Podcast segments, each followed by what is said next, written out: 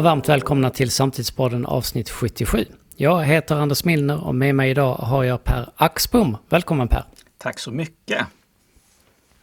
Du arbetar brett med webb och digitala tjänster, bland annat som digital rådgivare och produktstrateg. Och du och jag ska prata om någonting som nästan alla pratar om just nu. I en text som du publicerade alldeles nyligen så skriver du så här. Det är aldrig så lätt att bli lurad som under en pågående hype. Det är mars 2023 och vi är mitt i den. Det är sällan jag sett så många anamma en helt ny experimentell lösning med så lite ifrågasättande. Vad är det du pratar om här Per? Det jag pratar om är ChatGPT eh, som man kan lite löst säga är en chattbot som är byggd av ett företag som heter OpenAI. Eh, så då kan man säga också att den är AI-baserad. Den genererar text och vi har ju lärt känna en hel del generativa AI det senaste året genom att vi har lärt oss att man kan skriva text och få ut bilder som är färdiga bilder och väldigt konstnärliga dessutom. Eh, och det ChatGPT gör det är att den ger tillbaka text baserat på det du skriver. Skriver du en fråga, skriver du en uppmaning till den så ger den en massa text tillbaka. Så det är en generativ AI det här också, men en text, i textformat. Och det här har ju blivit väldigt omtalat, folk testade och hur skulle du vilja sammanfatta hur reagerar folk när de möter detta? Ja men det är spännande för här, den har ju verkligen släppts till allmänheten och det är väl inte helt vanligt att sådana här verktyg görs. Utan ofta så är det ju som en stängd beta brukar man kalla det för och så måste man få inbjudan och grejer. Det har väl varit det till, till viss del också men till slut har ju väldigt många människor fått tillgång. Och det här, för många är det ju första gången de, möter den här typen av verktyg. Och då är det väldigt lätt att bli förförd. Mm -hmm. Man tänker att jösses, det känns som att det är en människa som skriver texten, det är en människa som svarar. Men jag vet att det är en dator. Finns det någon sorts intelligens här? Finns det någon sorts, tänker den själv? Det här är ju jättespännande. Har vi kommit till det här som, som man kan kalla då för AGI, Artificial General Intelligence? Det vill säga att den faktiskt funkar som en människa. Eh, och det, det där tycker jag är spännande och jag kan förstå att människor reagerar så. Det som skrämmer mig mer är att experterna reagerar exakt likadant. Ja. Jag, känner, jag är ju tillhör det här gamla gardet som har hållit på med det digitala väldigt länge. Eh, och jag försöker ju förstå saker innan jag uttalar mig om dem. Och jag, först, jag inbillar mig att jag förstår ganska bra vad det är som pågår här. Jag har i, vissa sammanhang kallat det här för lite glorifierad autocomplete. Jag har sett andra använda autocomplete-begreppet också. Mm. Det här är ju ingenting, texterna som man får tillbaka av den här botten, det är ju inte sanning på något sätt utan det är beräknat, det är statistik kan man säga. Den har fått in en massa text i sig så försöker den imitera vad en människa skulle svara. Och ju mer information den har fått, desto bättre har den blivit på det. Men experterna, de, de andra gamla... Ja, jag, ska, jag, ja, jag bara skulle säga att, att, att, förutom experterna så såg man ju också, vilket jag tyckte var intressant, för det har jag nog inte känt på länge, att på något sätt ett helt samhälle reagerar ganska tydligt. Man såg en diskussion i skolan. Just det. Vad, innebär, vad innebär det här mm. för elever som plötsligt kan... De behöver inte skriva sina uppsatser eller sina eh, papers eller vad de nu gör längre, utan man kan kan bara skriva in det här. Hur ska vi kolla att de kan mm. detta? Hela skolan måste göra så. Det slår igenom på otroligt många områden. Det är det som är så in intressant också. Man brukar ibland kalla om narrow AI, eh, att det är ett smalt AI. Då brukar det vara det för, en given, liksom, för ett givet ändamål så bygger man en, en tjänst. Det är inte ja. tydligt här vilket ändamål man har byggt den här för, utan den kan ju göra allt möjligt. Och det, nu låter man människor nästan utforska som ett litet experiment. Bara innan vi går vidare på det där, där, där jag avbröt dig, så, så en hel del av det som eh, marknadsförs som AI idag, skriver du i din text, är helt enkelt inte AI. Kan du reda ut det här kort för, för oss? Eh, vad är AI och vad är AI inte? Många vill ju gärna kalla det för AI så fort de har någon form av beräkning i sin lösning. Det som vi hade kanske för redan för 15 år sedan där man kunde få stöd och hjälp av algoritmer att räkna ut olika saker. Så väldigt mycket matematiska beräkningsmodeller som de här verktygen är väldigt duktiga på. Kan du hitta ett mönster i all den här datan? Eh, man har ju börjat kalla det, det här är ju jag som provocerar lite, man har ju börjat kalla det här för AI, det som vi inte kallade för AI för 15 år sedan. Och det för mig är ett problem. Det vill säga att man tror nu, bara för att vi har ändrat begreppen, att det har kommit längre än det verkligen har gjort. Nu har vi tagit ett jättestort tekniksprång, det ska jag inte sticka under mattan med, med de här verktygen. Men den här effekten av att man börjar använda AI så himla löst kring alla typer av verktyg känns som att oj, nu har vi en explosion av AI i världen. Medan många av de verktygen som nu kallas AI kallades bara någonting helt annat för fem år sedan. Eh, och det i sig är ett problem som gör att man blir väldigt vilseledd i till att tro att och, och nu har det skett vad är det Inte, vad är det inte som är AI i de verktygen som kallas för AI då? De är ofta inte självlärande. Det brukar man ofta tänka som ett koncept för AI, att det ska vara självlärande. Att den hela tiden uppdateras baserat på den typen av den input den får, eller den indata den får. Eh, utan de här är fristående, de har en färdig kod och eh, är väldigt användbara i många sammanhang. Men för mig är det ju inte AI om de faktiskt inte kan förbättras med den input de får. Mm. Och det verktyget som vi pratar om här nu då, hur, hur står det på skalan, AI-skalan? Det här är, det här är en jättespännande fråga. Eh, många tänker jag, men och det här, här tänker jag också att det är många experter som uttalar sig att de tänker att ja, men nu är vi på väg mot mm. general intelligence och eh, super-AI som kan tänka själva som blir väldigt mycket liknande hjärnor. Men andra tänker att ja, men inte alls den här vägen som kommer leda dit utan den andra vägar. Och för, skälet till att jag kallar det för glorifierad autocomplete är ju för att man ska försöka, för, för, jag vill att folk ska förstå bättre vad det är vi pratar om.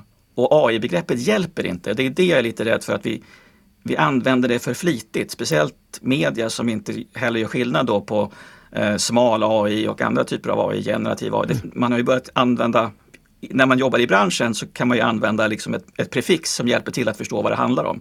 Men väldigt löst när man pratar med allmänheten, då är det AI. Och man får mm. väldigt mycket känslan av att en, en dator som tänker själv måste ju vara neutral, för den är ju inte påverkad av människor. Eh, vilket den ju i mm. allra högst grad är, för den är ju byggd av människor och bara matad med, med information som, som, är skriven av, av människor. Så den är ju aldrig neutral heller. Så AI-begreppet vilseleder i sig. Och, och, och, på tal om det där, när jag avbröt dig innan här så var vi ju inne i en diskussion om, om eh, experternas reaktion, hur de eh, enligt dig reagerar lite grann som allmänheten eh, reagerar. Och du har en diskussion i din text här om, om en slags illusion som skapas när man använder verktyget. Att verktyget framstår som självsäker eller verktyget framstår i sina svar som ångerfull. Att om jag skriver in, nej det var inte så jag menade, så svarar får jag svar tillbaka. Oh, förlåt mig, nu missuppfattar mm. jag dig. Responderar som en mäns människa lite grann. Och det här skriver du, den, den illusion som man har skapat som lyckats, för att den är byggd för att förföra människor. Mm. Hur, hur menar du här? Jag menar att eh, det är ju design som är involverat här också. Det finns ju jättemånga olika sätt att presentera resultatet på för användaren när man skriver ut de här texterna. Och nu har man valt att skriva ut texterna på ett sätt som gör att verktyget låter extremt självsäkert. Även mm. om svaret är helt fel. Men det är så otroligt snyggt skrivet så det är ju väldigt lätt att tro på det som står när det är skrivet så självsäkert som ett svar. Eh, och det enda sättet att veta om att det inte är rätt är ju om man faktiskt själv redan vet svaret. Vilket ju är rätt spännande i sig självt. Jag, jag kollade på, på demon här nyligen av verktyget och så började jag reagera på, men varför har de också valt att texten skrivs ut ord för ord i svaret. Det ser ut verkligen som att det är en människa som skriver för hand som man är van vid i en chatt. Och det mm bidrar ju till den här då, lite illusionen av att ja, men det är ju någon som faktiskt håller på och tänker varje ord och så skriver de ut väldigt försiktigt för de är väldigt eftertänksamma nästan. Men så är Du skulle ju lika gärna kunna presentera hela texten på en gång. Men de gör det här designmässigt förstås för att verkligen förföra, för att ge den här illusionen ytterligare av att jo men det är nog en människa. Just och så ger den den här, som du var inne på, eh, ursäktande tonen när jag säger men du har ju fel, så, den där stämmer ju inte. Och samtidigt, det här, och det är här det kan slå, slå tillbaka, och så skriver den ett till svar. Och så är det precis lika fel. Och så säger man att det är fel, ja jag ber om ursäkt. Och så kan man fortsätta så, och den kan fortsätta be om ursäkt. Men det blir aldrig, där så misslyckas den ju totalt, för att där, där lyckas den ju inte inse att oj nu har jag haft fel så många gånger, nu börjar det bli pinsamt. Skulle nog kanske en människa säga. Men dit kommer den aldrig, utan den fortsätter vara lika självsäker i varenda svar. Men jag tolkar det som att i det här förmänskligandet som, som är, blir en del av min upplevelse när jag använder det. Det är härligt att använda det för att det är roligare att prata med någonting som är mänskligt än, ja. än någonting som är robotaktigt. Så vilar också en risk, nämligen att vi alltid tror på det som sägs, eller tror mer på det som sägs på det sättet. Ja, nästan så vilket att vi tror mer, precis. Vilket jag mm. lika kan känna mm. till när jag pratar med min eh, sån här lilla Google-assistent. Mm och får ett svar som läses upp. Mm.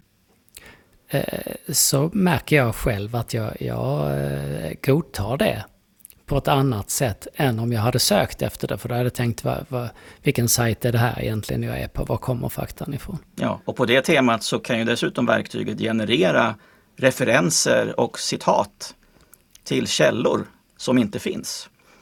Och den mm. är ju väldigt spännande också för det gör ju att det, man måste vara väldigt diger i, sin, eh, i sina efterforskningar kring svaret om jag verkligen kan våga lita på det. Eh. Man, man måste nästan ha någon slags apparat mellan apparaten och sig själv som, som är standalone och faktakollar för att kunna vara säker. Ja men precis, och pratar man om designbeslut, du skulle ju kunna välja att den är betydligt mer ödmjuk i sina svar. Att säga mm. att det här tror jag därför att. Men den vet ju inte varför den tror saker, den kan ju inte validera sina egna svar och det är lite av det som är den stora svagheten i den. Den kan inte validera sina egna svar. De säger i, de här nyare versionerna som kommer nu, GPT-4 släpptes igår till exempel, så, så är det mer tydligt med sitt resonemang, så här kom jag fram till det här.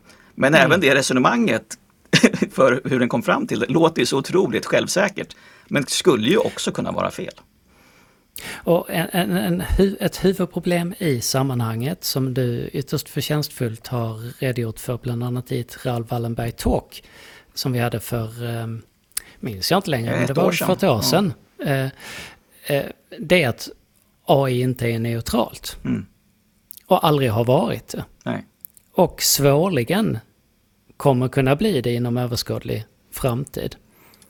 Kan, kan, du kort på något sätt eh, ringa in problematiken? Varför är inte AI neutralt och hur visar det sig att AI inte är neutralt? Eh, jag brukar ibland backa så långt som, som till tryckpressen när jag pratar om sånt här, men ibland så eh, räcker det med att exemplifiera med språk. Det finns ungefär 7000 språk i världen, inklusive dialekter. Då. Men det är endast 7% av de här som är då e- återspeglade i, i online-material. Och mm. 98 procent av internets webbsidor publiceras på 12 språk enligt Unesco. Och mer än hälften av dessa är på engelska. Det är jättemycket information som går förlorad därför att mm. det är fokuserat på ett språk. Det, informationskällan i sig är redan den otroligt västerländsk eller otroligt nordamerikansk europeisk. Eh, och informationskällan i sig har ju dessutom en väldig massa fördomar i sig därför att den är historisk. Och vi, våra värderingar förändras över tid. Och när våra värderingar förändras, då förändras också sättet vi agerar på. Men verktyget har inte lärt sig vilket av källmaterialet som den tittar på som är eh, rasistiskt eller väldigt eh, kvinno, kvinnohatande eller vad det nu kan vara. Eh, utan den tar ju bara den här massan och försöker göra någonting som är förståeligt utav det. Mm.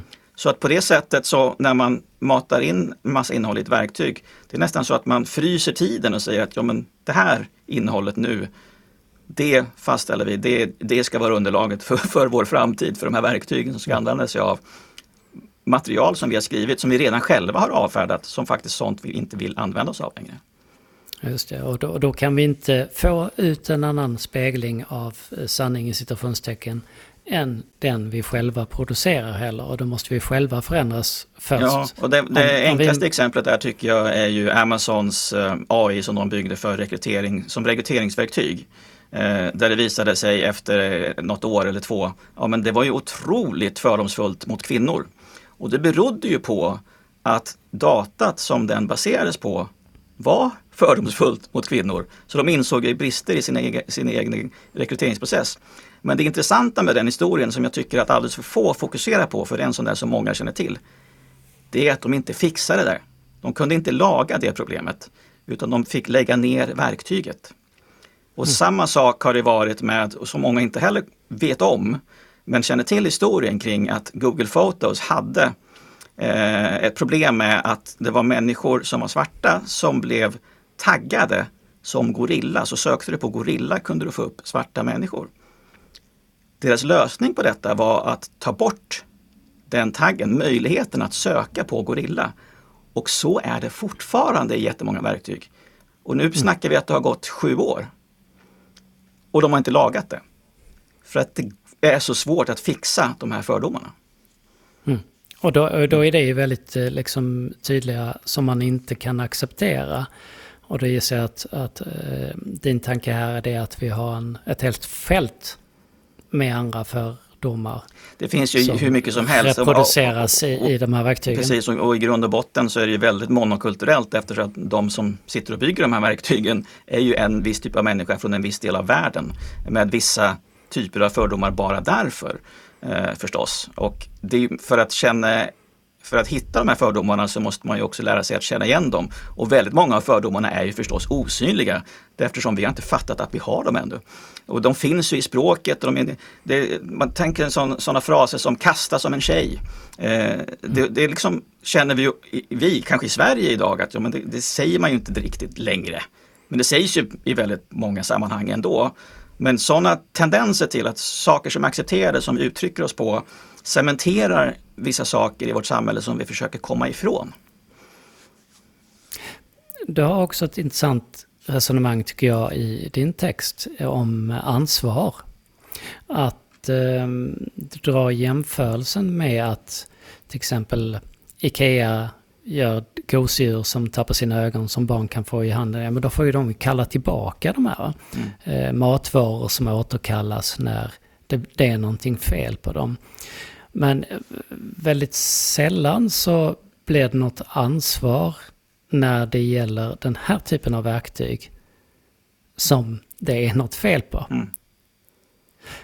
Hur... Eh, du tycker vi ska stanna upp här lite grann och, och, och fundera. Vilken sorts ansvar skulle du vilja se i de här sammanhangen? Jag skulle vilja få, få till att man, någon uttrycker någon form av ansvarskänsla.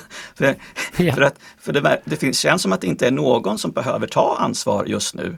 Eh, bara att de här verktygen som ChatGPT har släppts till en så stor allmänhet. Det känns som att ja, det är okej okay att experimentera på 100 miljoner människor utan konsekvenser och utan att någon behöver ta ansvar. Det har radats upp exempel efter exempel i media på jättehemska saker som har kommit fram i det här verktyget. Men det är fortfarande ingen som har höjt rösten i, i, i någon eh, politiskt sammanhang eller lagstiftande sammanhang kring att ska man få agera på det här sättet? Ska man, kunna, ska man få göra det här utan att först testa det ordentligt i en lite mer begränsad miljö? Eller ska man kunna släppa saker på marknaden, kalla det för beta och så är man fri från konsekvenser oavsett hur många människor man drabbar? Vad, vad är det för historia du tänker på här eh, som har kommit fram? Eh, jag, tänker, jag tänker ju främst på eh, nu på, på den här Microsoft journal, eh, eh, vi, Washington Post, journalisten, som använde Microsoft-botten eh, Bing. Eh, och så byggde de in en bot i den och så kunde man börja föra konversationer med den. Eh, och det, var, det här var faktiskt ett begränsat antal som fick tillgång till. Eh, men när han förde en dialog med den under ett, ja kanske han på en timme eller någonting, till slut så uppmanade den här botten honom till att lämna sin fru för att den var så otroligt förälskad i honom.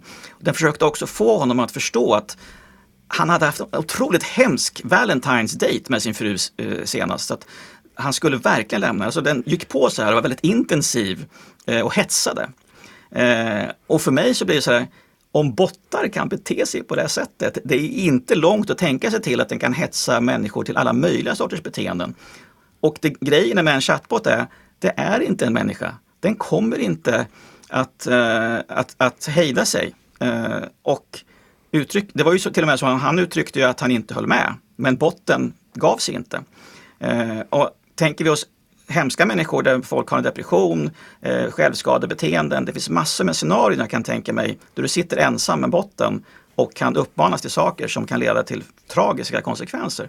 Eh, det finns faktiskt ett, ett, exempel till som jag kom på nu som jag faktiskt eh, fick skicka till mig häromdagen. Eh, och det är ju att eh, Snapchat har börjat implementera en version av, av den här botten också.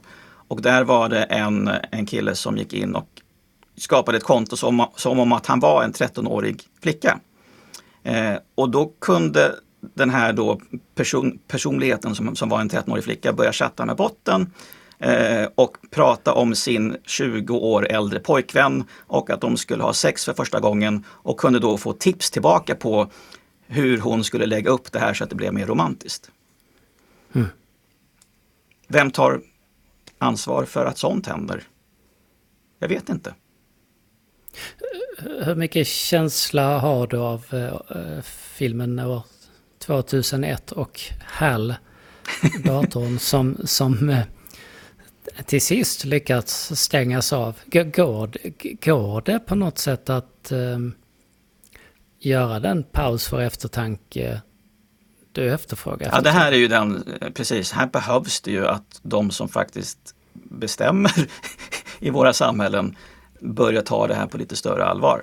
Eh, men också att folk själva blir mer medvetna om och ställer krav på att nej, men det här kanske inte ska testas i så här stort sammanhang innan vi har bättre koll på tekniken. Eh, och, och, det, och det grejen är, det här, det här det blir så svårt därför att jag förstår ju att den här tekniken, eftersom den är så bred, den är jätteanvändbar i jättemånga sammanhang. Så att de som plötsligt får nytta av den, ofta sådana här kunskapsarbetare som jag själv, som kan då plötsligt göra rapporter, göra presentationer, eh, göra analyser och få stöd till det. Jag kommer ju inte vilja ge, bort, ge upp mitt verktyg. Jag har ju plötsligt effektiviserat mitt eget arbete. Eh, mm. Så att om andra kommer till skada, det får ju lösas på annat sätt, men ni får inte ta bort det här från mig. Så att det, det är väldigt starka röster som har en väldigt stark röst i samhället som kommer säga, nej men det är klart att vi inte kan stoppa det här nu. Eh, så att det, det enda jag kan göra och sådana som jag håller på med det är att försöka bara upplysa om att ja, det är ett jättebra kraftfullt verktyg i vissa sammanhang, i andra sammanhang kanske inte så mycket. Det kan till och med leda till väldigt hemska konsekvenser. Vad ska vi göra? Ska vi ha en dialog om det kanske så att vi tillsammans kan komma fram till Ska de här stora eh, företagen bara få droppa de här verktygen på marknaden utan att behöva ta ansvar för konsekvenserna? Det är för mig, den diskussionen förs inte i tillräckligt stor utsträckning. Jag är osäker om jag har rätt för mig här nu, men visst är det så att det här verktyget först utvecklades men man vill, visste inte riktigt vad man skulle ha det till och nu har eh, licensierats av Microsoft som får lov att använda det. Ja, Microsoft, ja, precis. Microsoft äger ju nu, känns det som, har det blivit 49 procent av OpenAI, om vi pratar om ChatGPT fortfarande. Då. Mm. Eh, och Eh, på det sättet har de ju väldigt stor liksom, eh, makt över dess utveckling.